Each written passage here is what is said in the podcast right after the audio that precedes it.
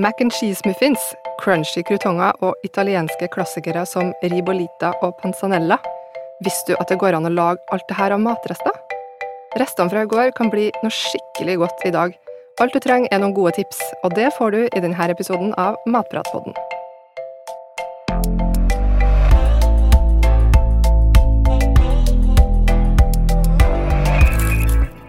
Å kaste mat gir en dårlig følelse, og det er bortkasta penger. Likevel kaster hver av oss 43 kilo mat hvert år. Det vi kaster aller mest av, er middagsrester, og det er veldig mye frukt og grønnsaker, og ikke minst brød. Men det vil vi gjøre noe med. Jeg heter Lisa Ekli, og sammen med meg sitter matpratkokkene Anette Fjelleng Hansen og Cecilie Maske. Hva tenker dere om de her tallene? Altså, 43 kilo, det er jo egentlig helt vilt mye. Det er jo eh, nesten som en liten person, Ja, skulle jeg si. Ikke bare nesten. Eh, ja, det er jo en liten porsjon. Og eh, vi har jo selvfølgelig med at det har vært mer fokus på matsvinn, så har jo alle sammen blitt flinkere, men det er jo fortsatt sykt mye. Eh, og så er det jo sånn da òg at eh, det krever jo masse, masse ressurser på å produsere mat. Det er en bonde eller en produsent som har jobba ganske hardt for å få den maten på bordet til det. Mm, mm. Og så ender det opp i søpla, så er det jo på en måte bortkasta både tid, penger og ressurser òg, egentlig. Mm. Mm. Ja, det er jo innmari mye eh, som blir kasta, og jeg tror det er mange som kjenner på dårlig samvittighet eh, når de kaster. Men det er også mange som fortsatt kaster mat uten å tenke så veldig over det. Eller de kaster fordi at de ikke egentlig vet hva de skal gjøre med restene. Ja. De kan ta vare på dem, og så blir de stående i kjøleskapet til de blir dårlige, og så blir de kasta. Og det er nettopp det vi skal gjøre noe med i dag. Vi vil redde maten. Første post på programmet i denne episoden er våre beste tips til å gjøre matrestene digg igjen. Ja, ikke sant? Og det tror jeg er veldig lurt å få litt inspirasjon til å, til å liksom få litt input på hva du kan gjøre med de Mm. forskjellige tingene. Um, og litt sånn hvordan man skal få det til, og hvordan man skal, skal få komme i gang med det, for det er, det er, det er egentlig bare Det er bare å gjøre det. Og det er veldig, veldig, det er veldig få som vet, eller veldig mange som ikke vet, hvor enkelt det egentlig er, da. okay. Å lage nye retter av den gamle maten. Ja, dere jobber jo som kokker, og får vel ofte rester på kjøkkenet når dere lager mat både hjemme og på jobb. Hva gjør dere med restene? Altså, på jobb er det jo ikke noe problem, vil jeg si. Der er det jo nok av folk som både er matglad og mer enn glad nok for å både ta med seg middag hjem eller spise restene til lunsj, så det er ikke det største problemet. Men jeg kjenner jo på at hjemme så må jeg liksom ha en bedre plan for restene. Jeg er ikke spesielt glad i å ha en sånn fast restedag, så jeg prøver jo å på en måte spise opp restene etter hvert. Eh, enten til eh, kvelds, eh, eller lure de i matpakken til ungene dagen etterpå. Mm. Det er jo kanskje der jeg blir mest kvitt restene mine, da. Ja, altså, på jobb er det jo ikke noe problem. Der forsvinner jo det meste som vi lager til, til kollegene våre. Og hjemme, vi har en litt annen husholdning enn eh, Anette har. Vi er, eh, vi er bare tre, og da blir det litt annerledes eh, tankegang. Mm. Men jeg har en tendens til å lage litt for mye, så det blir en del rester. Og det er sjelden at det ikke er en eller annen rest som blir med videre inn i neste dags måltid. Ja. Eh, på en eller annen måte. Eller blir det en lunsj eller noe sånt som er der. Sånn at Det er jo òg litt sånn med små husholdninger at du kanskje Du får ofte kjøpt store pakker av ting, Mm, ikke sant, mm. og da er det jo enda vanskeligere for det. Ja, ikke sant? sånn- Og, og det, det som er problemet, er også sånne glass som blir stående med bare bruker halvparten eller litt av et Mm. glass, eller det står igjen sånne slanter, da. Ikke sant? Og Mye slanter som kan brukes til mye godt, da. Mye slanter kan brukes til mye godt. Så, så det er eh, Og det, jeg blir jo kvitt det. Men har du, har du en fast restedag, da? Nei, jeg har egentlig ikke det. Nei. Men det er veldig, veldig mange som har det. Som legger inn for eksempel at, eh, at en restetirsdag, eller at de bruker restene fra helgen på mandag. Eh, så det å bruke ha en restedag er jo genialt, egentlig. Ja. Bestemme seg for at da skal man ha en liten opprydning i kjøleskapet. tenker uansett om det er restedag eller eh, resteuke eller hva du Når du bruker restene, så skal vi i hvert fall greie å gi noen tips her. Så bra. Og vi starter med brød, for i Norge kaster vi faktisk tre brød i sekundet. Altså så utrolig bortkasta. Ja. Norge, vi er jo et brødland. Vi spiser veldig mye brød. Men vi vil jo helst at det skal være ferskt, da. Ja. Og da er det jo innmari enkelt å, å kaste eller kvitte seg med det som er til overs. Men det er det jo ingen grunn til. Nei, Vi kan jo bruke tørt brød til så utrolig mye digg. jeg får høre. Ja, og så tenkte jeg aller enkleste, og det er jo å skjære det i, i, terninger og lage krutonger av det. Mm. Og da har du en fantastisk topping på supper og salater og sånn. Og da skjærer du brødet i litt grove terninger, har det på en, en eh, Enten steker det i stekepanna, eller legger det på bakepapir i stekeovnen, Mm. og steker det til det er gyllent. gyllent. Og da kan du ha på litt olivenolje, eller krydre med litt mer salt, eller ha på litt tørkede urter. Og så får du en fantastisk eh, deilig crunch, crunch på. Ja, ikke sant? Ja. Og det kan du bruke eh, Altså, du kan ta vare på det og bruke det flere dager etterpå. Oppbevare det i en tett boks eller i en ziplock-pose. Ja. Eh, har du forresten laga churros? Du? Laga det hjem...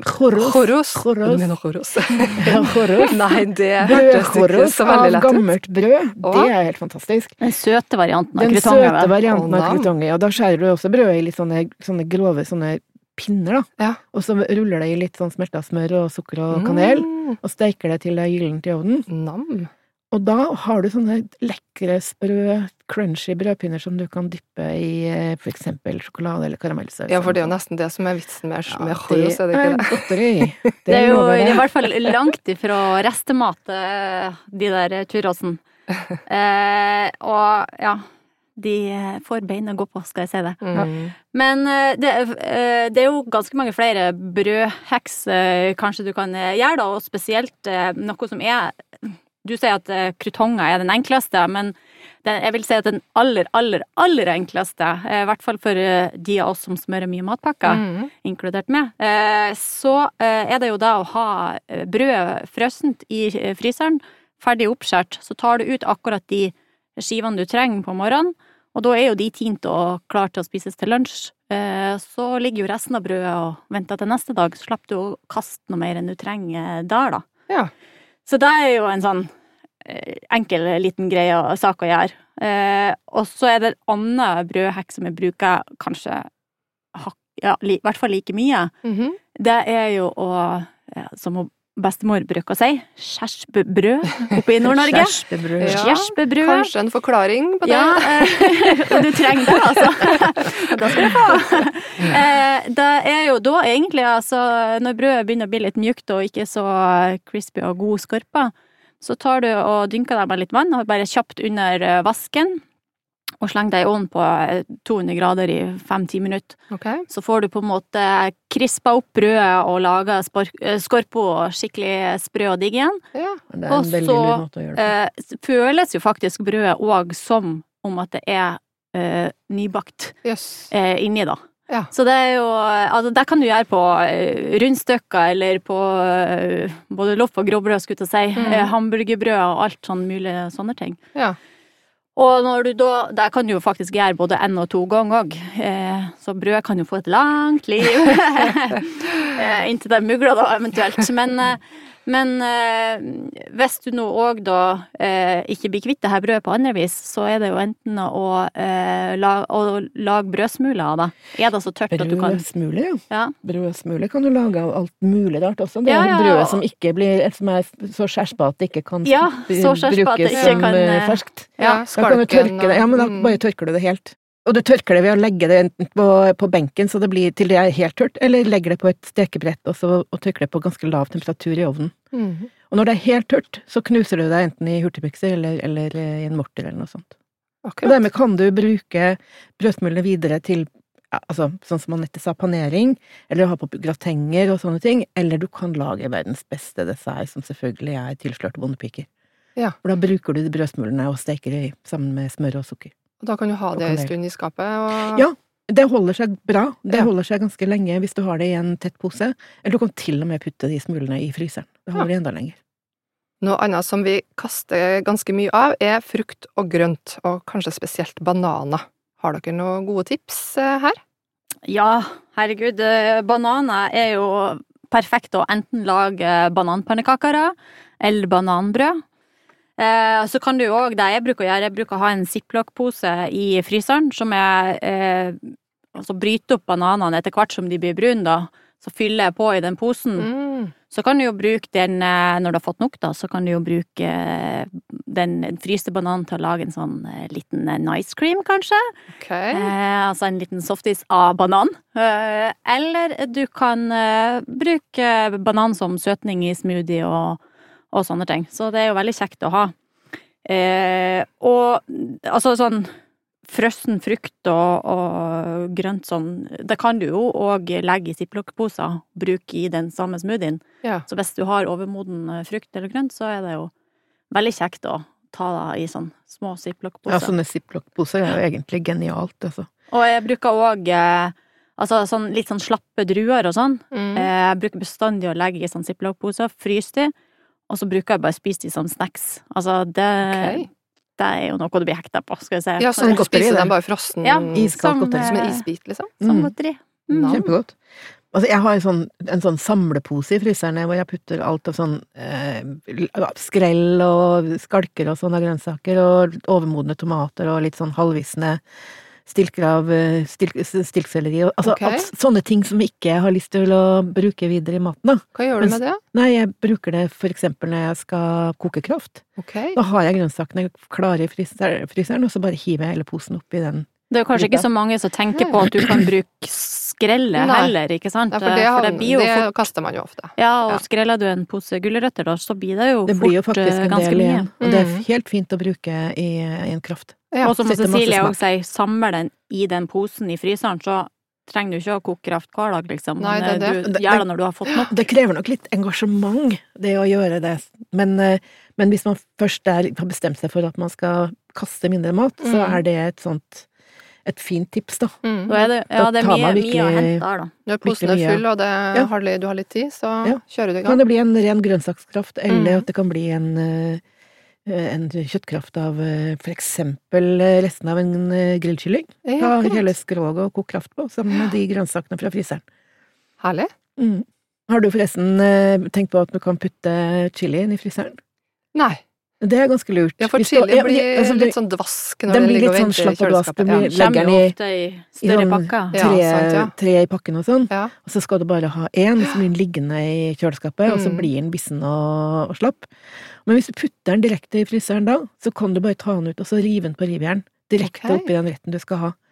Så slipper du alt det der sølet, og så slipper du eh, Altså, det, den er jo genial, for du sparer jo både oppvasken og de her chilifingrene som du gjerne gnir i øya og ikke ser eh, på et kvarter etterpå. Så det er jo litt sånn eh, Lag guacamole, ikke Ja, sant? så rett Eh, oppi Riv det rett oppi der. Mm. Eh, og så som, supper og gryter og alt mulig sånt som er der, så slipper du å ha Ja. Ja. og ja. det, er jo, det er jo som Cecilie sier, det er jo veldig mye som, som kan eh, fryses, og du kan jo eh, Redd bare med et isbitbrett, da, så kan du redde egentlig ganske mye eh, mat. Samme er òg Mm. de her urtene som ofte blir litt sånn slapp. Da kutter de opp og legger de i et isbitbrett, og så eh, tar du på enten eh, Klara smør Mm. eller, eller olje. Fryser de. Og når, selvfølgelig, når du har frøst i isbitbrettet, så samler du jo en pose, så du slipper å ha mange isbrett liggende. Men da har du liksom urtesmør til, til å steke kjøtt eller fisk i, eller eh, Ja. ha det på pasta, eller på en bakt potet, eller noe sånt. ja, det er lurt, for akkurat urter er jo sånne ting som du bruker kanskje litt lite av, og så står de Ja, der og og så blir det visner i vinduskarmen. Ja, ikke sant. Mm. visner og blir gul og kjip, Mm. og så Men da har du det klart. Mm. Da er det bare å hive det oppi hva den du skal lage. Mm. Og, sånn, og isbrytbrettet er jo òg genialt sånn, eh, til alt mulig slags type væsker og sånne ting. Jeg er jo veldig glad i, i kaffe. Kanskje iskaffe, uansett om det er januar, februar eller eh, midt i august, skulle jeg si. Eh, Så eh, jeg fryser jo gjerne ofte kaffe Altså det jeg har igjen av kaffe. I et isbitbrett så har jeg det i iskaffen, og så slipper du på en måte å vanne ut den Mm. kaffen din da med Kjempelurt. det er liksom, og det samme kan du jo gjøre med fløteskvetter eller vinskvetter, putta i gryter og supper og Det er utrolig praktisk, da. Ja, eh, og i tillegg eh, kan du jo fryse egg eh, i et isbitbrett. Det har du kanskje ikke tenkt på. Nei. Det er jo både eggeplommer eller eggehviter, eller en miks av eggeplommer og eggehviter. Eh, så kan du òg ha det i små isbiter til å hive i smoothien din, pannekakerøra, det du Annen type bakst, Så det er mange muligheter. da. Ja, det hadde jeg i hvert fall aldri kommet til å tenke på hvis ikke du hadde sagt det. Men en annen ting som folk kaster veldig, veldig mye av, det er jo melkeprodukter og, og sånne ting, da. Mm. Eh, og der er det jo både melk og fløte og rømme og krem og så alt som er syrna. Mm. Det har jo faktisk mye lengre holdbarhet enn det som vi tror. Enn det som står på bakken? ja. Altså Ja. sånn søtmelk, ferskmelk, den kan bli ganske raskt sur, men allikevel så kan det brukes, når det er akkurat på grensen, så kan det brukes vaffelrøre og, og eh, pannekakerøre. Men alle de der, eh, de andre restene, de har lang holdbarhet, så lenge det ikke blir muggen eller noe sånt. Ja. Og, og er geniale, selv om datoen er langt over, eh, over eh, siste holdbarhet. Ja, for nå er vi jo inne på noe som er veldig interessant, eh, nemlig hvordan vi kan vite om maten fortsatt er god, eller om vi ikke bør spise den. Eh, For mange av oss har jo et litt for nært forhold til datomerking, og og noen kaster til og med mat før det har gått ut på dato for å være på den sikre sida. Fins det en kur for den der datoskrekken?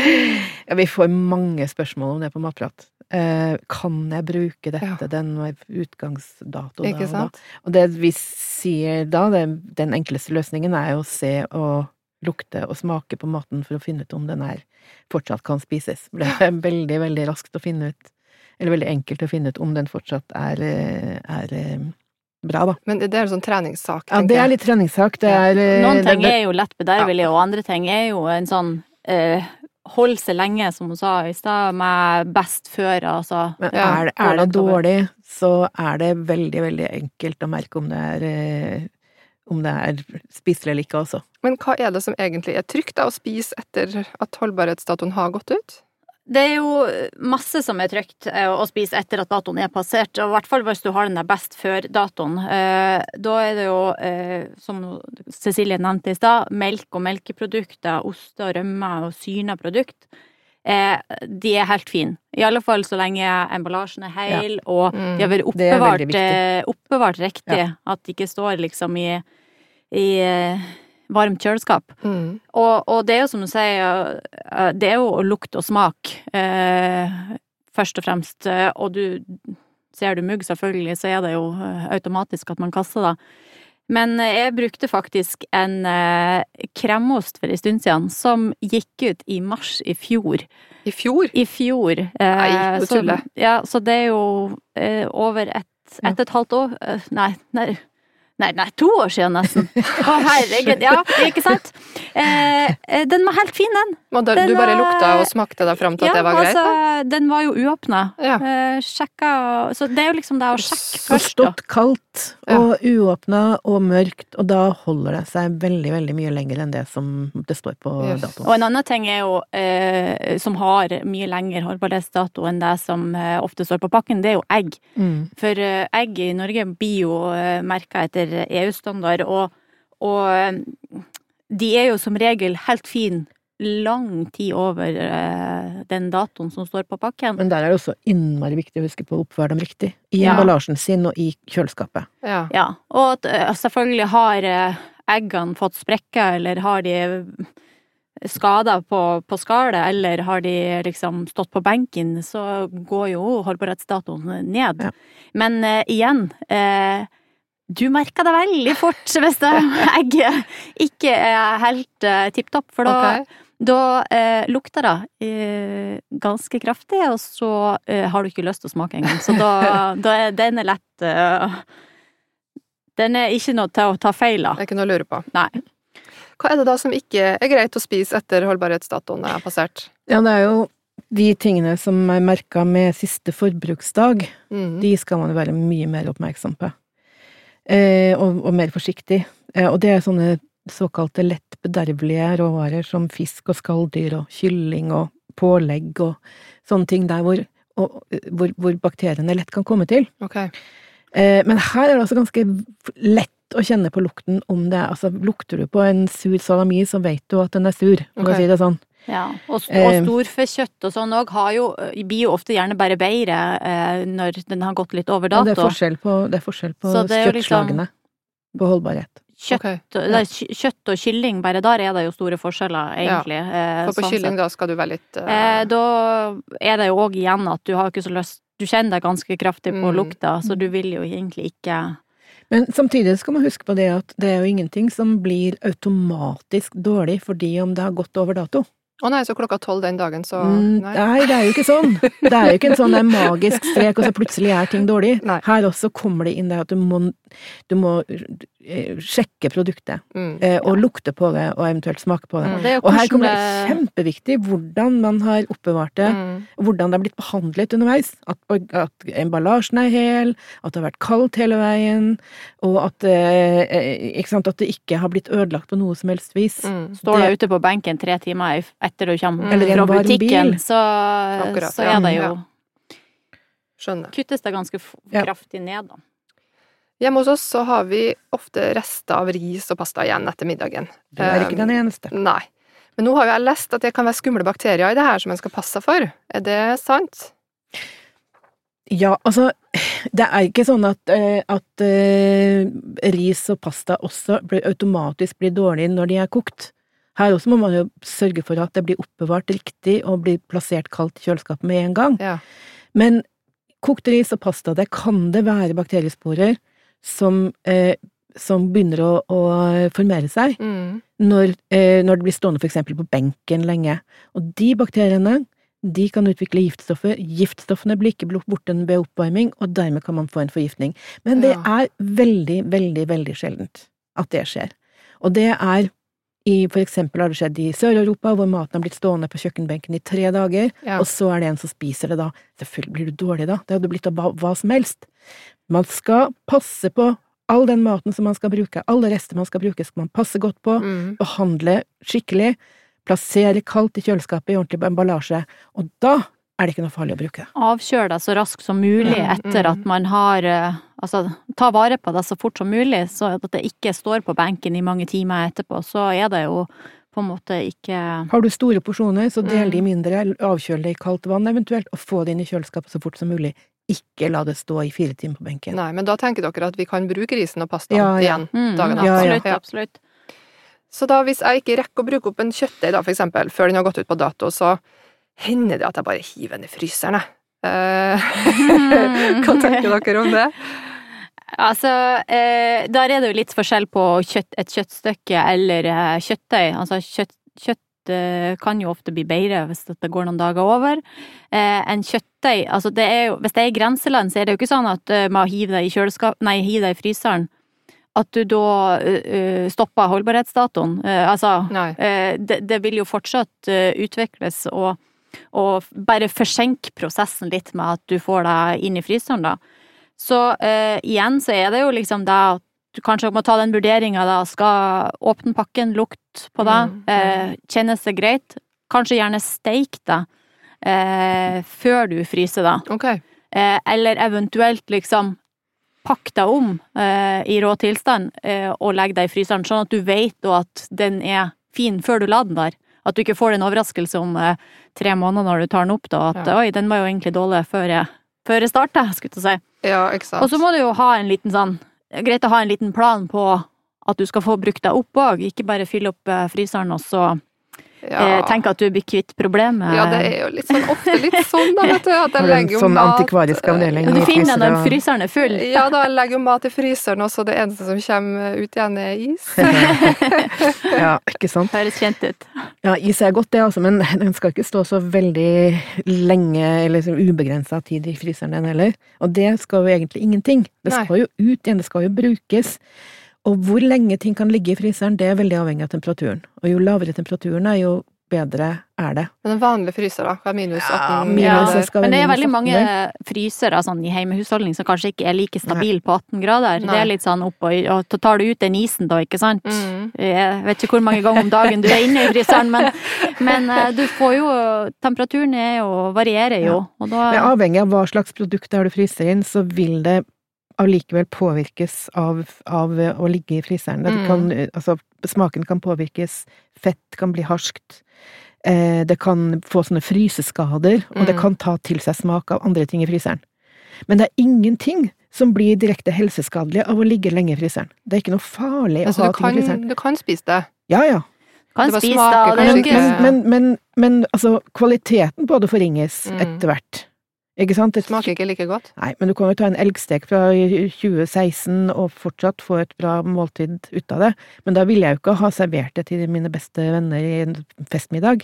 Jeg ville ha laget en, en gryte av det, med okay. litt mye smak. Ja.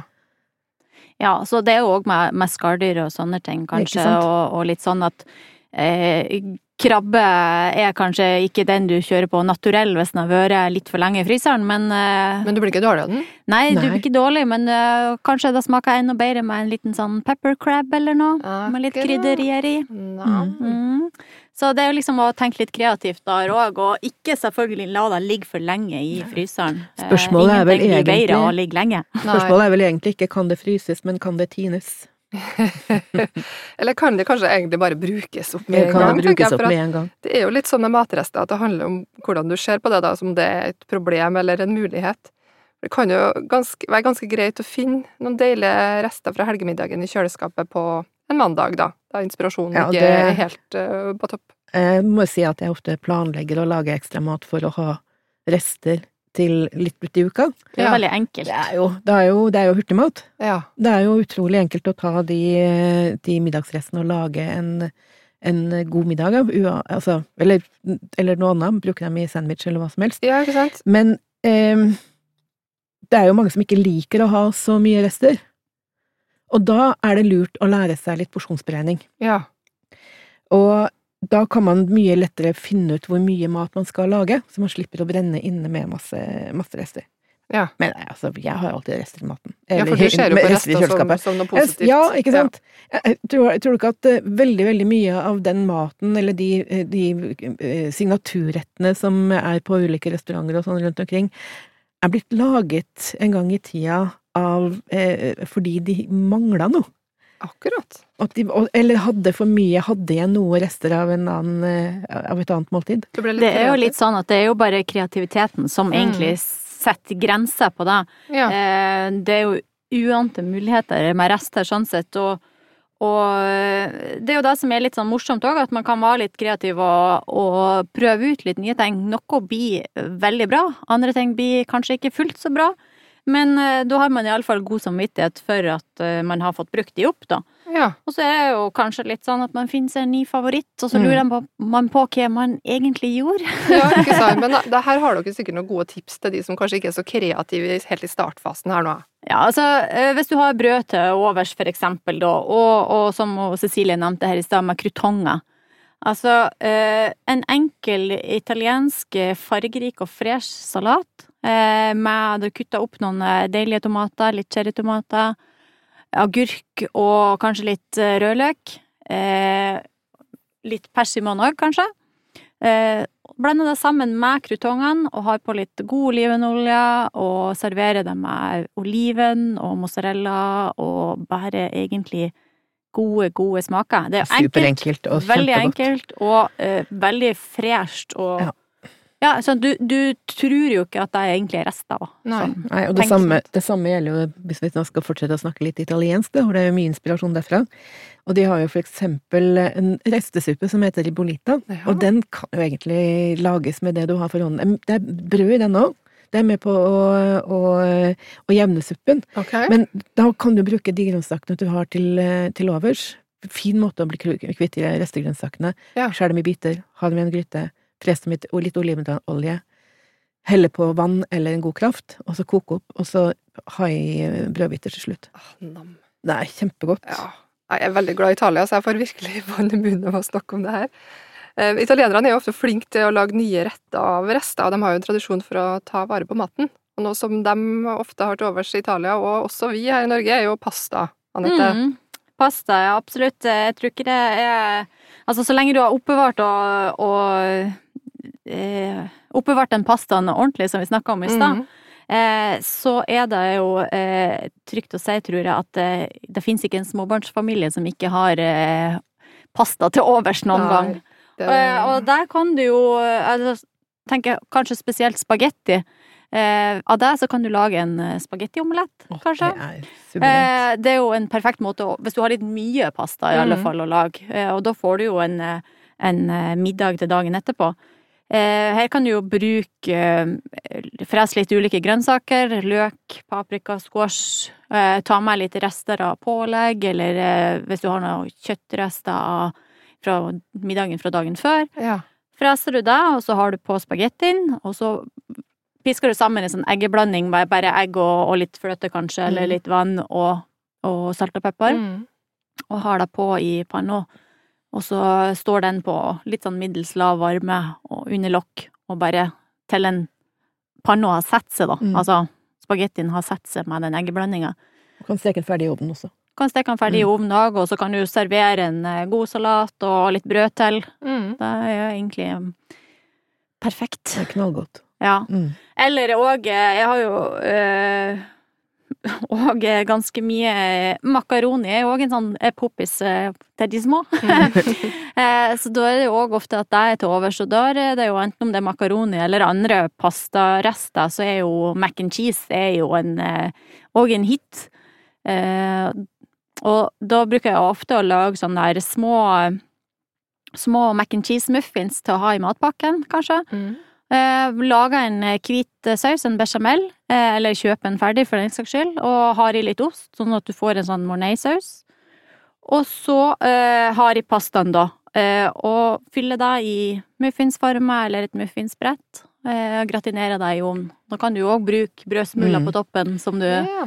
Og muffinsformer er jo genialt, da. Der får du, kan du bli kvitt uh, veldig mye. Skulle lage, lage restmat. Alt ser gøyere ut i en muffinsform. ja, ikke sant. Kan du lage en liten ruffin? Da bruker du ris istedenfor makaroni. Ja. Ja. Eller, ja. Og da blander um, risrester sammen med litt egg og, og ost, og så fyller i eller blander med hvis du har noe, nok en gang påleggsrester eller kjøttrester eller noe sånt. Ja, kjøttdeig, kanskje. Og så fyller den blandingen i, eh, i litt smurte muffinsformer og steker. Så har du altså en liten ruffin. Og den ungene elsker det. Og det er jo også- knallbra å ha så i- perfekt i eh, og sånt som er det. sånn. Mm. Gode tips. Veldig godt. Eh, så vil jeg jo si at eh, nordmenn er jo over middels eh, glad i eh, taco. Mm. Og har jo kanskje mye ofte tacorester igjen, enten om det er en liten slant av en salsaglass, eller om det er litt stekt kjøttdeig og et par lefser. Da kan man jo enten eh, lage en tacosalat eller sånn, men eh, eller eh, slenge de her eh, lompene i stekepanna og, og eh, ha på deg fylle Altså de restene du har av, av ifra tacoen, da. Kjøttdeig og litt grønnsaker, og litt ost der. Og så uh, steik den lompa Altså legge ei lompe på toppen, selvfølgelig. Steik eh, den som en liten sånn quesadilla. eh, og server med salat eller sånn Det er kjempegodt. Så får du liksom brukt det òg, og har egentlig en ny rett på et minutt eller to, liksom. Så det er jo veldig kjekt. Nå er vi jo inne i et nytt år med nye muligheter, og det viser seg faktisk at vi har blitt flinkere til å bruke opp restene og lage mer mat sjøl etter at korona gjorde sitt inntog i fjor. Ja, 2020 har gått over. Nå er det nye tider. Vi, lag, vi er jo mye hjemme, og vi lager mye mat hjemme. Og jeg tror veldig, veldig mange har begynt å eksperimentere mer på kjøkkenet. Og er, det er jo en fin anledning til å lære seg, eller tenke seg eh, og, og, Tenke ut nye måter å bruke restene sine på, da. Ja, ikke? Lær seg, lær seg noen nye ting, og, og Mm. være litt leken. Bare Mm. ta, dra fram kreativiteten, og, og tenk at det ikke er så slavisk å følge oppskrifter. For at uh, jo mer man øver seg, jo Ja. bedre blir man. Mm. Ikke sant? Kanskje 2021 da blir året der vi virkelig ja, går all in og begynner å bruke opp maten? Vi utfordrer deg som hører på til å bruke restene i nye, herlige retter. Tagg oss gjerne på dine resteretter, eller bruk hashtag matprat. Og har du spørsmål du vil at vi skal ta opp her i Matpratpodden, så send oss gjerne en e-post på post.matprat.no, eller send oss en melding på Facebook eller Instagram. Vi høres!